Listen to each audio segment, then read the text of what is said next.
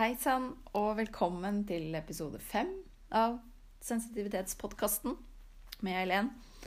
Denne episoden eh, ønsker jeg å snakke litt om um, reframing, eller det å ramme inn på nytt, oversatt til norsk. Um, det er igjen Elaine Aron som snakker om det.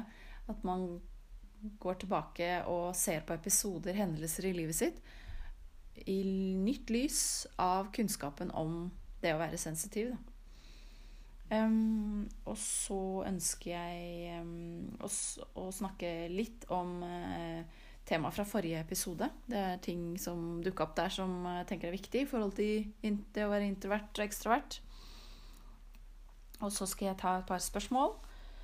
Og til slutt en uh, fin mindfulness-øvelse. Og så lurer jeg jo på om du fikk laga hjemme, gjort hjemmeleksa. Eh, lagd en liste nytta som jeg snakka om, i forhold til hvilke fordeler det å være sensitiv, høysensitiv gir deg. da. jeg husker sjøl at det var nokså utfordrende. Så det, det krever Det er en prosess, og det krever litt jobbing, gjerne litt over tid også. I starten så forsto jeg ikke liksom hvorfor det med alle disse sterke følelsene og, og man er emosjonell og blir lett rørt og vil veldig gjerne hjelpe dette hjelpegenet. Um, og det å føle seg så lett overstimulert Jeg forsto ikke hva, hva skal jeg bruke det til. Men um, etter hvert så har kunnskap, kunnskapen um, gjort meg sterkere. Så det håper jeg det også kan gjøre for deg, da. Men det krever som sagt litt, litt jobbing, da. Eh, forrige gang så snakka jeg om det å være høysensitiv, og, og at det var en inndeling i forhold til introversjon og ekstroversjon. Og um, vil legge til noe som også heter nyhetssøkende. Sensation seeker. Um, ofte er jo sensitive mot det motsatte av å være impulsiv. Man er heller litt veloverveid ja, kan du kalle det langsom også. At man, man, man vurderer situasjonen, tar inn detaljene, prosesserer dypere. Bruker kanskje litt lengre tid på å svare. Man har ikke den som rekker opp hånda på, på møtet på jobben og roper ut en løsning, men man, man trenger gjerne å, å, sove litt på det, da. Um, og, og da, når det da kommer et svar, så er det ofte med et veldig sånn helhetlig perspektiv. I hvert fall fungerer jeg sånn at jeg, jeg, kan, jeg klarer ofte ikke å svare med en gang. Jeg må, må, må bearbeide det og så kan jeg og ta inn alle inntrykkene. Og så kan jeg komme med et svar. Og det Litt selvskryt, så er, er jeg god på det. Å se helheten og komme med, komme med gode forslag til løsninger. Um, og så eh, handler det jo også om ja, at man eh, nødig vil gjøre noe galt. Lider veldig hvis en på en måte plumper ut med et eller annet eller havner i et eller annet eh, For eksempel, jeg husker jeg var i en barnebursdag, hadde, var med og hjalp en venninne på en gård med, der jeg vokste opp, med masse gutter. Det var sjuårsbursdag, tror jeg det var. Og så så jeg spotta med en gang. Han er høysensitiv, og han er høysensitiv. Holdt, satt og holdt seg litt for øra og syntes, det var, syntes det var mye støy. Og var litt mer forsiktig enn de andre. Og gjerne litt sånn megler mellom de andre guttene. Og, og så var vi inne i kaninburet, og der var det jo kaninunger da, som de ville veldig gjerne få holde. Og jeg måtte være ganske streng og litt høy, streng stemme og klar og tydelig. Og oppfør dere, hør på meg, hvis ikke må alle gå ut, osv. osv. Og så er det jo denne her ene en høysensitiv som sitter pent og holder og gjort akkurat sånn som jeg sier. Og så klarer jo han selvfølgelig å miste en av de ungene i bakken, da. Og, um, og da var jo jeg hadde jo sagt at de må ikke miste dem, og da kan de dø. Og jeg var, jeg var, kjempe, jeg var veldig hard for å nå igjennom til massen, eh, på en måte. Um, og han ble helt knust. Han var helt utrøstelig resten av bursdagen og helt til han, pappaen kom og henta han. Og, Og jeg prøvde alt jeg kunne, og det gikk fint, og kaninungen har det bra. Og mm, ikke tenk på det. Og jeg, jeg gjorde alt for trøsten. Han, han, var bare Han var så lei seg. Ja. Ja. Eh, så de fleste høysensitive benytter jo ofte gjennomtenkte strategier, da. Sånn kort oppsummert. Og eh, ønsker ikke å ja, miste kaninungen. Og lider av det etterpå. Eh, og så har du da noen som likevel er litt mer sånn eventyrlystne, da. Liker å oppdage nye ting. Lett for å kjede seg ved, ja, ved gjentagelser. Rutine. Eh, og dette krever jo mer. Det her er jo da Da er du nyhetssøkende. Du ønsker på en måte å, å være ute i Ja, altså du eksponerer deg sjøl, da litt sånn som jeg gjør når jeg instruerer yoga og, og denne podkasten, f.eks. Dette er real life eh, experience. Hvor um, man ønsker å Man ønsker å be out there. Og så har man samme risikoen for overstimulering, selvfølgelig. Og dette, dette gir et mindre eh, trivselsområde, da. Et mindre trivselsvindu. Og det krever mer som høysensitiv å ha denne nyhetssøkende egenskapen. Så ja, man må være enda mer bevisst for å finne balansen. Så det er som å kjøre, kjøre bil med én fot på gassen og én fot på bremsen. Ikke helt uh, logisk, men sånn, uh, sånn, er det. Og så er det jo aksept, da. Ikke bebreide deg sjøl for det. Eh, ingen er like, og det er meninga at vi skal eh, ja, fungere og oppleve verden på vår måte. Og eh, det er ikke noe Ja, sånn er du. Du må bare vite om det og ta hensyn til det. Mm. Og så uh, til denne innrammingen, eller reframing, som Elaine kaller det. Eh, den eh, har jeg tatt fra den The Highly Sensitive Persons Workbook. Den er eh, veldig, veldig bra, og det er jo Det tar som sagt tid, da, dette her. Og, og har du dype traumer og sånn, så, så, trenger du kanskje mer veiledning enn en workbook. Um, men i hvert fall så er denne metoden at man går inn i hendelser i livet. Man velger én hendelse, og da er det gjerne overganger, nye skoler, flytting, barndom, relasjoner, det å gifte seg, skille seg, dødsfall, gå inn i voksenlivet eh, Alle episoder i livet som som har pre ja, prega livet ditt, gjort det til det det er, da. Um, det vekker jo mye i en høysensitiv. Også, dette gjelder også positive, positive hendelser. Um, og gjerne hendelser som du ser på som ja, var over, overveldende. Litt for mye. At man følte at man håndterte det dårlig. Uh, eller også too much excitement. Elaine har et eksempel der hvor hun har gitt ut boka si og, og bare stråler og får reise rundt på bokutgivelser og signering og sånn. Og er jo, har det jo, er jo ja, at her top. Og så blir det utmattende, så hun blir jo syk i en eh, litt lengre periode, da. Fordi at det blir too much. Så da må man rebalansere. Ok, så når du har valgt en hendelse Steg to da er å beskrive, gå litt tilbake, beskrive følelser og din opplevelse, da. Hva følte du? At du håndterte dårlig eller feil? Var du for stressa? Tok du feil avgjørelser? Reagerte abnormalt, da. Ehm, eksempel eh, Ja, jeg har jo vært inne på det. Jobb, skole, relasjoner, ulykker. Ja. Um, beskriv alt. Hva føler du nå om hendelsen? Sett deg litt inn i følelsene, og det er jo gjerne en, en litt ja, knytta negative tanker og følelser rundt situasjonen. Da. Og så neste steg Skriv ned, se det på nytt nå i forhold til kunnskapen om sensitivitet. Forklar litt mer situasjonen. Se deg sjøl litt utenfra, kanskje. Og å ja, jeg var, kanskje, jeg var kanskje overstimulert. Eh, det var mye aggresjon, kjefting. Eh, ja, støy. Du var pressa inn i et altså, hjørne og forsto verken deg sjøl eller, eller, andre. Um, det var et tøft miljø du var i. Ja.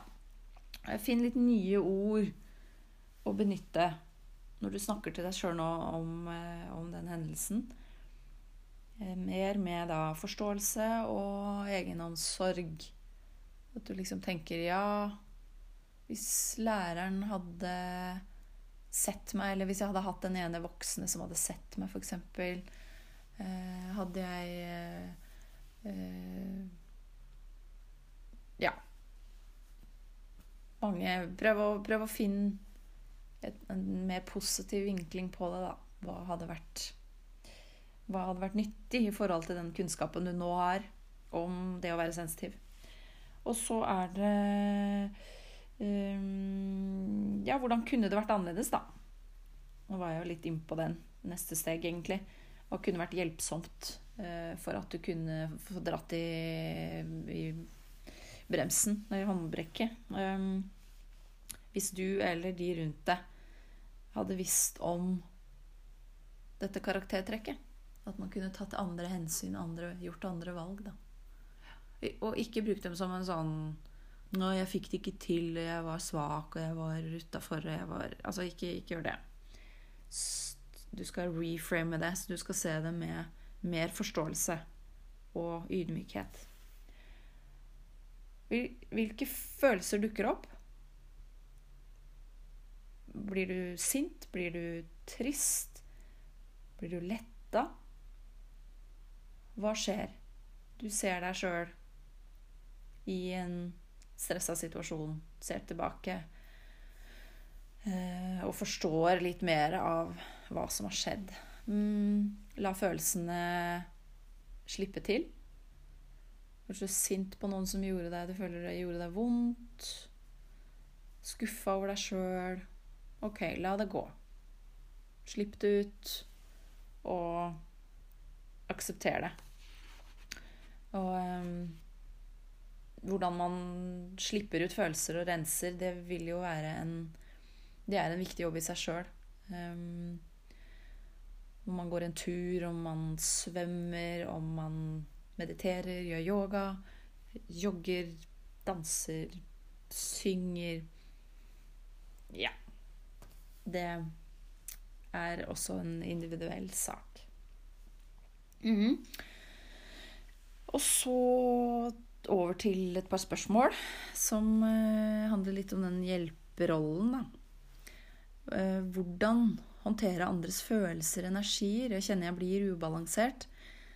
Jeg føler at jeg kjenner alt, opplever alt. Folk som Ja, dobbeltkommunikasjon sier én ting, og du kjenner med intuisjonen din at de mener noe annet. Um, dette kan jo være ja, veldig forvirrende og utmattende. Du kjenner når noen Ja, du kjenner på falskhet, tristhet, eh, oppriktighet, eh, glede og godhet. Mm. Og, eh, og et spørsmål da som handler om det samme som kom fra en annen. Når vet du at du skal blande deg inn i saker du merker skjer? F.eks. da jeg kjenner at min kollega er irritert på en annen. Um, dette er jo den sterke intuisjonen, at vi ofte tar på oss andres ting. Energi smitter og er ferskvære. Det har vel også nevnt tidligere. Så dette er jo en litt sånn kontinuerlig jobb. Noen få kan kanskje klare å skru av, men, men, jeg tenker det er en mening også med at du får med deg det du får med deg. Da, at det er ikke meningen altså Vi har det karaktertrekket, og det er ikke meningen at vi skal slå deg, tenker jeg. At det er um, Ja, det er en mening at du skal ta inn det du tar inn. Men Man må vite hvor man står, stå godt i seg sjøl, beskytte seg sjøl. Eh, og være veldig hard på da hvilke kamper man velger å gå inn i. Hva er, hva er intensjonen med å gå inn i noe? Og eh, ja, hvorfor? Hvem skal jeg hjelpe, og hvorfor? Hva koster det meg? Eh, har noen spurt om din hjelp? Og hva vil skje hvis du ikke tar, tar saken, tar ansvaret? Eh, så selv om du ser ting, så er det ikke alltid nødvendigvis eh, du som skal gå inn i det. Og det, den der er kanskje logisk for en mindre sensitiv, men den har jeg i hvert fall strevd mye med. At jeg f.eks. urettferdighet overfor dyr, hvor jeg har sett eh, ting utføres som bare river og skjærer i sjelen og hjertet og ryggmargen. Og, å, det bare driver meg filler. Og det kan være potensielt farlig. Jeg ser konsekvensene av det, og jeg ser på dyret. Dyret bare skriker i panikk eller utmattelse, og jeg bare Det å legge bånd på seg da, se en annen vei, det er heftig. Noen ganger må man gjøre det. Man må være en beinhard på hva man blander seg inn i for sin egen ve og, sitt eget ve og vel. Um, og så kan man jo Dette kan jo også være en veldig styrke òg, da. At man kan være veldig til hjelp. Man kan faktisk Man har mye å bidra med hvis man har energi nok til å gjøre det, da. Um, og en høysensitiv har, har ofte de genene, eller de evnene til å støtte andre og gjerne ikke i alvorlige krisesituasjoner. Eh, jeg vil nevne Viktor Frankel, som er en eh, Han var professor i psykologi og i nevrologi fra Østerrike. Han var bl.a. i Auschwitz. Overlevde og skrevet flere bøker. Eh, den mest, eller den jeg vil nevne, er Man's, Man's Search for Meaning. Livet må ha mening på norsk. Um, hvor han beskriver uh, hvordan han klarte å ja, være Finne støtte, finne styrke i seg sjøl og til å hjelpe andre til å f.eks. overleve natten. Da. Kaldt, uten elektrisitet, trangt. Uh, ja, kan bare tenke deg hvor, uh, hvordan det er å være i en sånn krisesituasjon. Eller kanskje kan vi ikke tenke oss det, men vi kan forestille oss det. Og hvor han klarte å fortelle historier og hente fram eh, kraft og styrke fra opplevelser, indre bilder av eh, vakre ting da, som gjorde at han, han hjalp de andre til å rett og slett ikke ta selvmord og, og overleve. Og overleve sjøl. Hente fram eh, ting å leve for. Da. Finne styrke i det. Et sitat der som jeg bare vil dele fra den boka, da. But there was no need to be ashamed of tears, for tears bore witness that a man had the greatest of courage, the courage to suffer. Så det er en bok jeg eh, absolutt anbefaler. anbefaler. Da nærmer jeg meg slutten og vil dele en eh, mindfulness-øvelse. Eller jeg liker heller å kalle det oppmerksomhetsøvelse. Som kalles å utvikle et tillitsfullt hjerte. Det her er fra boka 'Akkurat nå' med Jon Kabat-Zinn. Også en bok jeg kan anbefale livet er en reise for å lære. Og tanken er at ja, øvelse, øvelse gjør mester, da. På å oppleve tillit, åpenhet. Uh, kan, dette kan man øve seg på. Um, observere, være åpen, trekke pusten, stoppe opp og granske og oppleve det som skjer rundt oss og i oss. Um, Og på den måten at vi da kan akseptere hva vi enn måtte føle eller se i øyeblikket. Det som skjer akkurat her og nå. Jeg er i det. Jeg får, får ikke gjort noe med det. Altså trykke på en sånn slags pauseknapp. Um, og dette igjen kan gi oss kontakt da med på en måte et dypt sted inni oss. En, se for deg en slags pålitelig kjerne som vi kan ha tillit til, og som er sunn og sterk og verdt å stole på. Kan gjerne kalle det Altså det er stillheten på innsiden. Kontakt med sjelen, kontakt med hjertet. Og at man beveger seg vekk fra frykt og bekymring og våger å åpne opp og stole på. Ja. Takk for meg. Takk for denne gangen. Da håper jeg du får en fin uke til neste gang, og at eh, du fortsetter å stille spørsmål, kommer med tips til temaer. Jeg gleder meg til neste episode. Ha det bra!